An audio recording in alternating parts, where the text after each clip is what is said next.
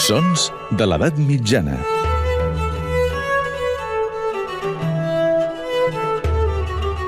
Amb Maria Montes.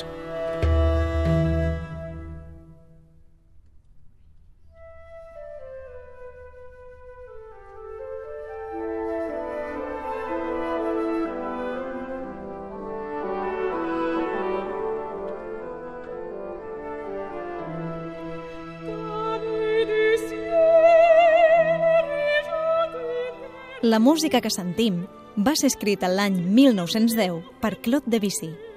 El títol és descriptiu, Tres balades de François Villon.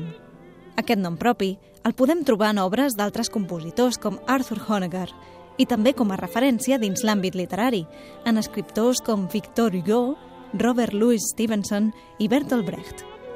Però qui va ser François Villon? Aquest nom i la seva història ens remeten a París, a les darreries de l'edat mitjana, on descobrim els orígens de la llegenda del primer poeta maleït. Les dades sobre la vida de Villon són vagues, però els documents estableixen que va néixer a París l'any 1431. Entregat per la seva mare a un clergue quan era un nen, va rebre una bona educació, però la seva vida va ser agitada ja des de l'etapa d'estudiant. Habitual de les baralles de l'entorn universitari, en un d'aquests encontres va matar un clergue d'una punyalada i arran d'això va iniciar un periple de fugides, amnisties i condemnes per robatori, de vida errant als camins.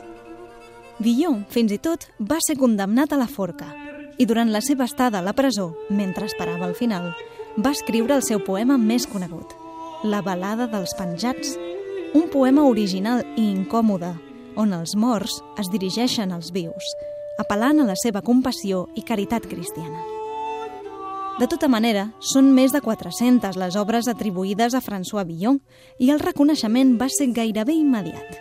A mitjans del segle XVI s'havien fet més de 20 edicions de la seva obra, lligada a la tradició medieval, però amb un alt component autobiogràfic.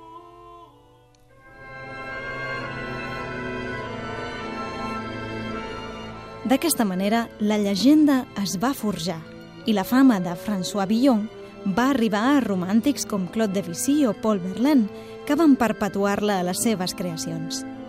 I per cert, Villon finalment no va morir a la forca. La pena va ser commutada, va ser desterrat i l'any 1463, ja ultrapassada la trentena, es perd el seu rastre als documents. La darrera escapada del primer poeta maleït. Sons de l'edat mitjana.